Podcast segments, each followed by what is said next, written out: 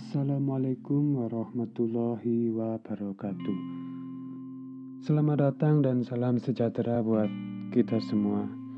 Terima kasih saya ucapkan bagi teman-teman yang bersedia atau mungkin tidak sengaja mampir di channel ini.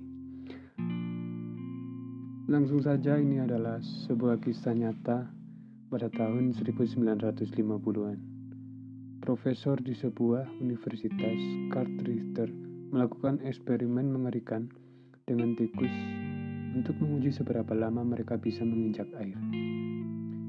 Richter pertama-tama mengambil puluhan tikus, kemudian memasukkannya ke dalam toples yang setengahnya berisi air, dan melihat mereka tenggelam. Toples kaca itu sangat besar, sehingga tikus tidak bisa berpegangan pada sisinya atau melompat keluar. Rata-rata, mereka akan menyerah dan tenggelam setelah 15 menit. Kemudian, Richter melakukan eksperimen ulang, namun dengan sedikit perubahan skenario. Tepat sebelum mereka menyerah karena kelelahan, para peneliti akan menyelamatkan, mengeringkannya, kemudian membiarkannya beristirahat selama beberapa menit, dan kemudian memasukkannya kembali untuk putaran kedua. Dalam percobaan kedua ini, menurut kamu, berapa lama tikus-tikus itu akan bertahan? 15 menit lagi, 10 menit, atau 5 menit?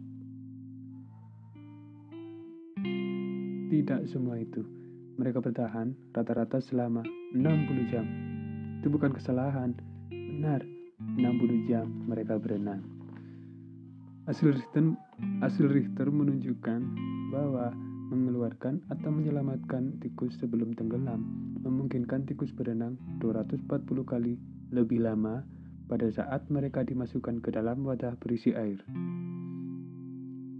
Ada seekor tikus yang bertahan selama kurang lebih 80 jam.